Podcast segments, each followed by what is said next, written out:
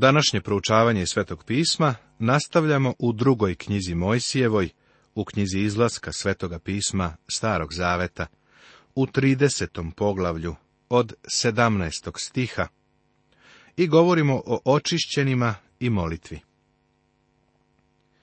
Još reče gospod Mojsiju, govoreći, načini i umivaonicu od mjedi i podnože joj od mjedi za umivanje i metnije između šatora od sastanka i oltara i nali u nju vode. Da iz nje pere Aron i sinovi njegovi ruke svoje i noge svoje. Kad idu u šator od sastanka, neka se umivaju vodom, da ne izginu, ili kad pristupaju k oltaru da služe i da pale žrtvu ognjenu gospodu. Sveštenik nije mogao ući u šator od sastanka da služi, ukoliko prvo nije bio umiven i opran kada je bio na polju, sveštenik bi se zaprljao. Kada ti ideš u crkvu i ne uživaš u službi, možda to nije zbog toga što je propovednik tmuran. Možda si ti malo prljavi, pobožni čovek. Kada imaš kombinaciju tmurnog propovednika i prljavog pobožnog čoveka, onda bogosluženje baš i nije nešto uzbudljivo. U ovom svetu se isprljamo, a ne možemo se moliti sve dok se ne očistimo. Zato je gospod oprao noge svojim učenicima. On to i danas čini. Prijatelju moramo otići do umivaonika. To je prvo što je sveštenik činio. Ako su htjeli da pristupe bakarnom oltaru, pre i posle toga su morali da se operu. Ako su išli u svetinju, prali su se pre ulaska, a onda i kada bi izašli. Mišljenja sam da je ovo pitanje pranja bilo vrlo značajno. U stvari bilo je tako važno da mogu da zamislim kako jedan sveštenik, pored umivaonika, govori drugom svešteniku, koliko puta si danas bio ovde? Drugi sveštenik bi verovatno odgovorio, skoro desetak puta. A prvi sveštenik bi onda uzvratio, pa ja sam bio ovde još više puta. Pogledaj mi ruke, potpune su isprane, jer ih stalno perem. Pitam se, zašto Bog od nas traži da to toliko puta činimo? A Aron, stojeći u pozadini, bi rekao, Gospod želi da se perete, perete i opet perete da biste znali da treba da budete sveti. Ne možete mu se moliti, ni služiti mu, niti vas on može upotrebiti, ukoliko se niste oprali i očistili. Ideja da prljavi pobožni ljudi mogu da služe Bogu prihvatljivo, jednostavno nije istinita. S vremena na vreme čujemo kako se neki čovek upleo u vezu sa ženom. Ljudi onda govore, ne razumem kako nešto tako može da se desi nekom ko obavlja veliki posao za gospoda. Čovek može biti propovednik ili dobar hrišćanski radnik. Ali ako proveriš njegov rad, vidjet ćeš da je to samo drvo slama i stranjika. U prvoj poslanici Korinčanim u trećem poglavlju saznajemo da i ako ko na ovom temelju zida zlato, srebro, drago kamenje, drva, seno, slamu, svačije delo izaći će na videlo. Sudnji dan će pokazati, jer će se u ognju otkriti. I kakvo je čije delo, oganj će pokazati. Ako čije delo koje je nazidao ostane, taj će primiti nagradu. Ako čije delo izgori, taj će podneti štetu, ali će sam biti spasen, samo tako kao kroz oganj. Njegovo veliko delo ne vredi ništa u Božim očima. Bog želi da se očistimo. Sveštenici su morali da se peru u bakarnom umivaoniku. Mi moramo da mu pristupimo sa ispovedanjem, priznanjem greha. Prva Jovanova poslanica 1.9 nam kaže da ako ispovedamo svoje grehe, on je veran i pravedan, da nam oprosti grehe i očisti nas od svake nepravednosti bakarni umivaonik je slika posvećenja. Moramo se oprati da bi Bog mogao da nas upotrebi. Moramo biti čisti. Ne samo da naša odeća treba da miriše na miomirisni kad, nego i naša tela treba da su oprana čistom vodom. Čista voda je reč Božija. Umivaonik je također bio načinjen od bakra, mjedi, bronze. Žene su donosile veoma ispolirana bronzana ogledala i od njih je pravljen umivaonik. U to vreme nisu imali staklena ogledala. Ogledala su otkrivala prljavštinu, a to je bila i svrha umivaonika. Umivaonik je čistio sveštenika i oslikavao je Božju reč. Biblija je ogledalo i kada gledamo u nju, naš greh biva otkriven. Tada je potrebno da taj greh priznamo ispovedimo i bit ćemo očišćeni. Svoj greh ne moraš da priznaš javno. Idi Isusu Hristu sam, tajno. Taj umivaonik je sada u nebu. Mislim da svake nedelje, pre nego što uopšte uđemo u crkvu, treba da se ispovedimo, da ispovedimo naše grehe za tu nedelju. Nemoj mi samo reći da se ne isprljaš, tvoje oči se prljaju, tvoj um se prlja i ruke ti se prljaju prljaju se iz stopala. U redu, prljaš se. Jedna od velikih nevolja u našim današnjim crkvama je da ima previše duhovnog zaudaranja. Naše grehe moramo da ispovedimo pred Bogom i moramo se oprati pre nego što odemo da ga slavimo i molimo mu se. Bog ne prihvata obožavanje ukoliko ono ne potiče iz očišćenog srca, niti će prihvatiti službu osim iz očišćenog srca pomazani mogu da se mole. I od toga načini ulje za sveto pomazanje. Ulje najbolje veštinom apotekarskom, to da bude ulje svetoga pomazanja. I njim pomaži šator od sastanka i kovčeg svedočanstva. I sto, i sve naprave njegove, i svećnjak, i sprave njegove, i oltar kadioni. Šta je za nas danas pomazanje? To je pomazanje svetoga duha. Mi imamo pomazanje koje nas osposobljava da razumemo Božju reč. To je razlog zbog kojeg je Biblija mnogima danas tako stvarna. Nije u pitanju propovednik niti učitelj, nego duh sveti koji upotrebljava Božju reč.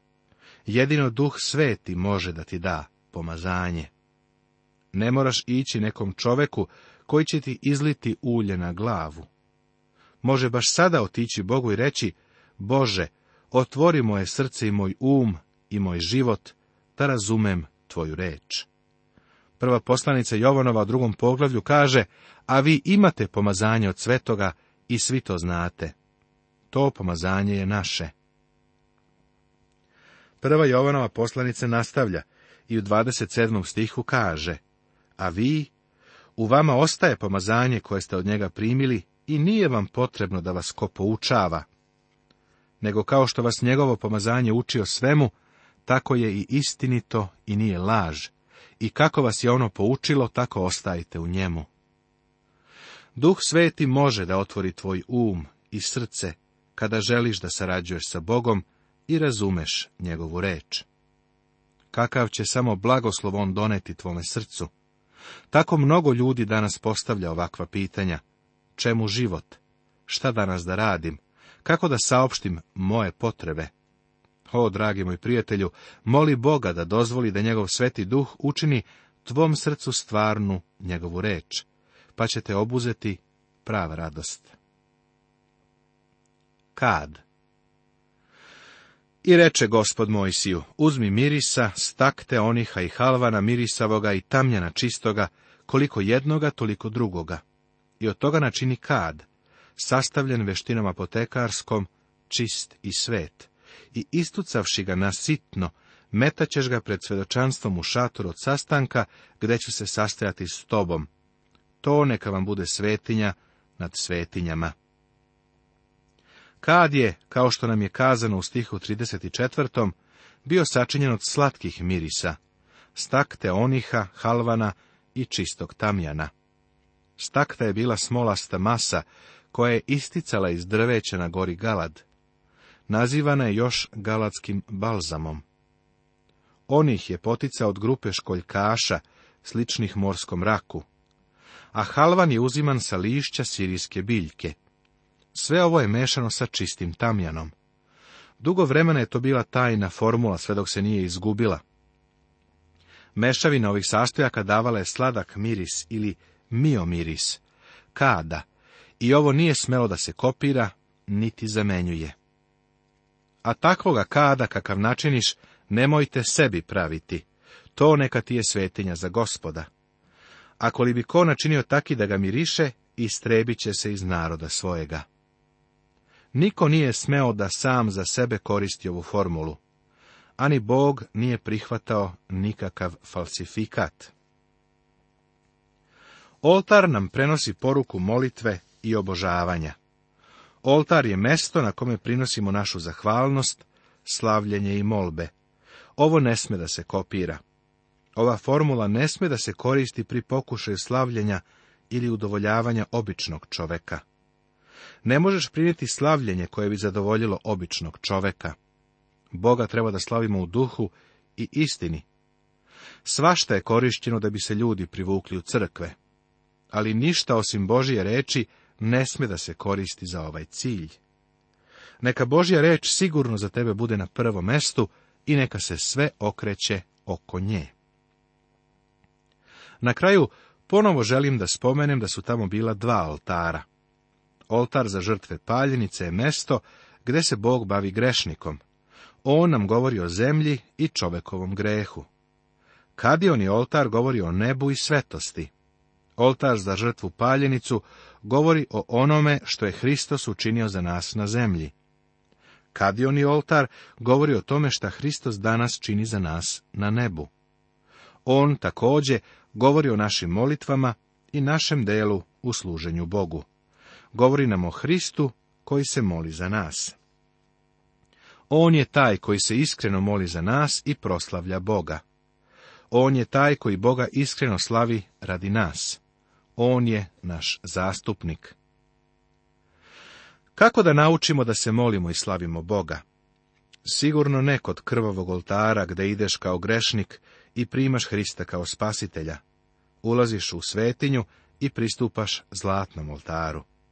Tamo nema žrtve, jer je napolju još rešeno pitanje greha.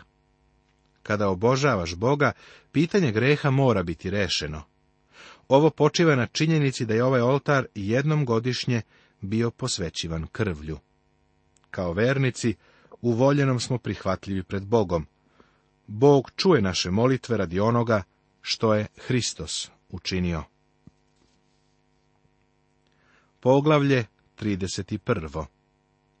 Tema Veselejlo i eliju su pozvani i pripremljeni za delo u šatoru od sastanka.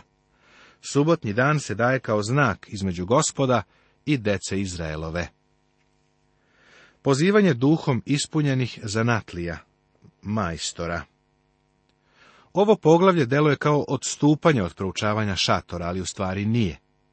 Ono što ovde imamo jeste interval između davanja zakona i uputstava za šator. Mojsije je mnogo vremena provodio na gori Sinaj gdje je primao sva uputstva. Izraelci su postali nekako nestrpljivi, čekajući njegov povratak. Ovo poglavlje nam kazuje o majstorima, o veštim zanatlijama koji su napravili šator od sastanka, a posebno o jednom od njih, kome je bio dat poseban dar za pravljenje stvari za šator, naročito onih težih. I reče gospod Mojsiju govoreći, Gle, pozvah po imenu Veselejla, sina Urije, sina Orova, od plemena Judina, i napuni ga duha svetoga, mudrosti i razuma i znanja i svake veštine, da vešto izmišlja kako se što može načiniti od zlata i od srebre i od mjedi, da ume rezati kamenje i ukivati, da ume tesati drvo i svaki posao raditi.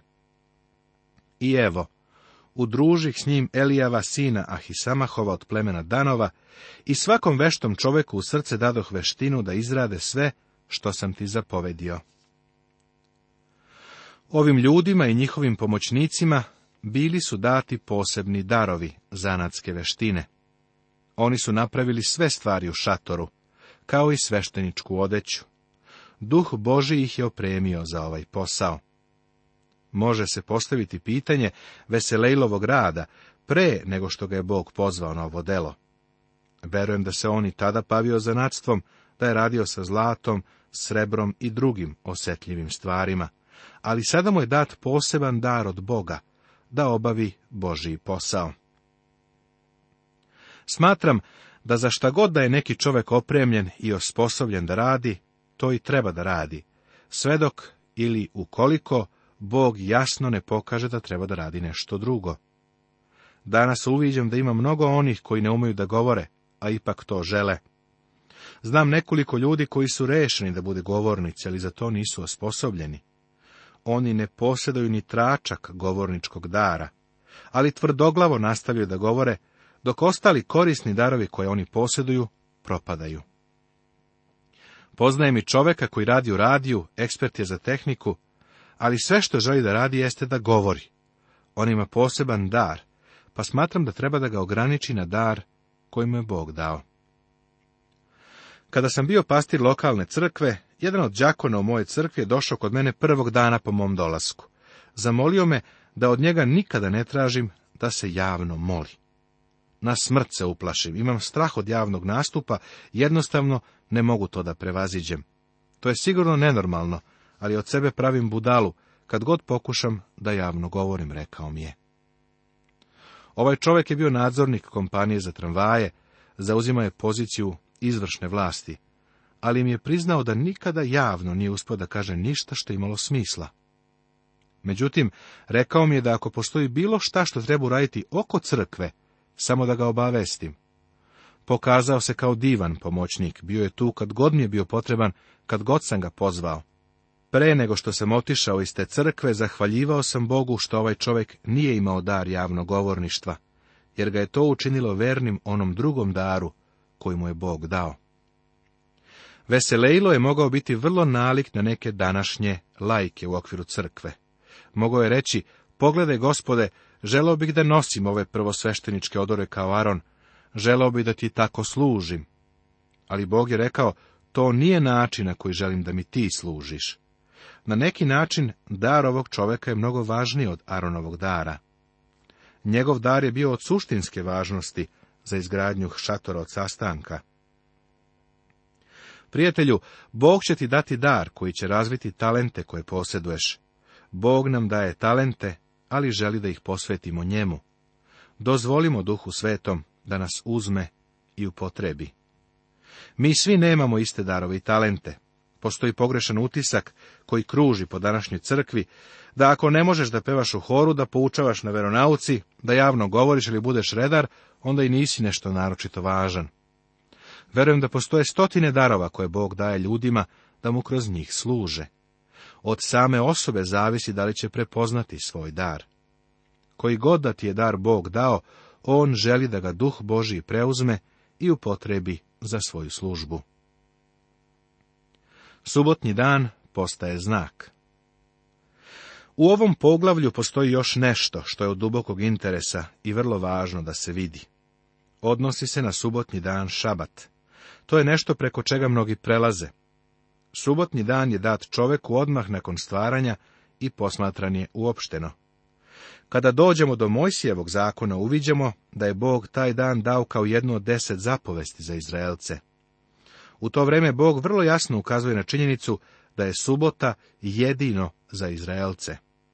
I reče gospod Mojsiju govoreći, a ti kaži sinovima Izraeljevim i reci, ali subote moje čuvajte, jer je znak između mene i vas od kolena do kolena, da znate da sam ja gospod koji vas posvećujem. Subota je dana posebno Izraelcima. Kad me neko pita, kada se to promenio subotni dan, Uvek odgovorim da se nikada nije promenio. Što se tiče crkve, on je ukinut. Više nismo pod šabatom, odnosno subotnim danom. Ne držimo subotu. Isus je toga dana bio mrtav. Mi ne služimo mrtvog Hrista. Prvog dana sedmice Hristos je vaskrsnuo iz mrtvih. Crkva se od svog samog početka okupljala prvog dana sedmice. Tako je crkva i rođena. Dan Pentekoste je bio dan nakon subote, šabata. Subota je prvo data celom ljudskom rodu, ali se čovjek okrenuo od Boga, pa je Bog dao šabat isključivo Izraelcima. Čuvajte dakle subotu jer vam je sveta, ko bi oskvrnio da se pogubi, jer ko bi god radio kakav posao u nju, istrebit će se ona duša iz naroda svojega. Želeo bih da pitam ljude koji tvrde da drže subotu, da li je stalno drže, i da li oni iz njihovog broja koji ne drže subotu sve vreme idu na pogubljenje, kao što ovaj zakon zahteva. Šest dana neka se radi, sedmi je dan subota, odmor, svet gospodu. Ako bi pronašli čoveka da u subotu skuplja granje, u Izraelu su ga kamenovali do smrti. Zato će čuvati sinove Izraeljevi subotu, praznujući subotu od kolena do kolena zavetom večnim. To je znak između mene i sinova Izraeljevih doveka, jer je za šest dana stvorio gospod nebo i zemlju, a u sedmi dan počinu i odmori se. Ovaj odeljak jasno govori da je trebalo da Izraelci, a ne crkva, drže subotu. Izraelci su zemaljski narod koji pripada prvom stvaranju. Crkva je novo stvorenje i njoj je dat novi dan koji će držati, a to je prvi dan nedelje. Nastavit će se.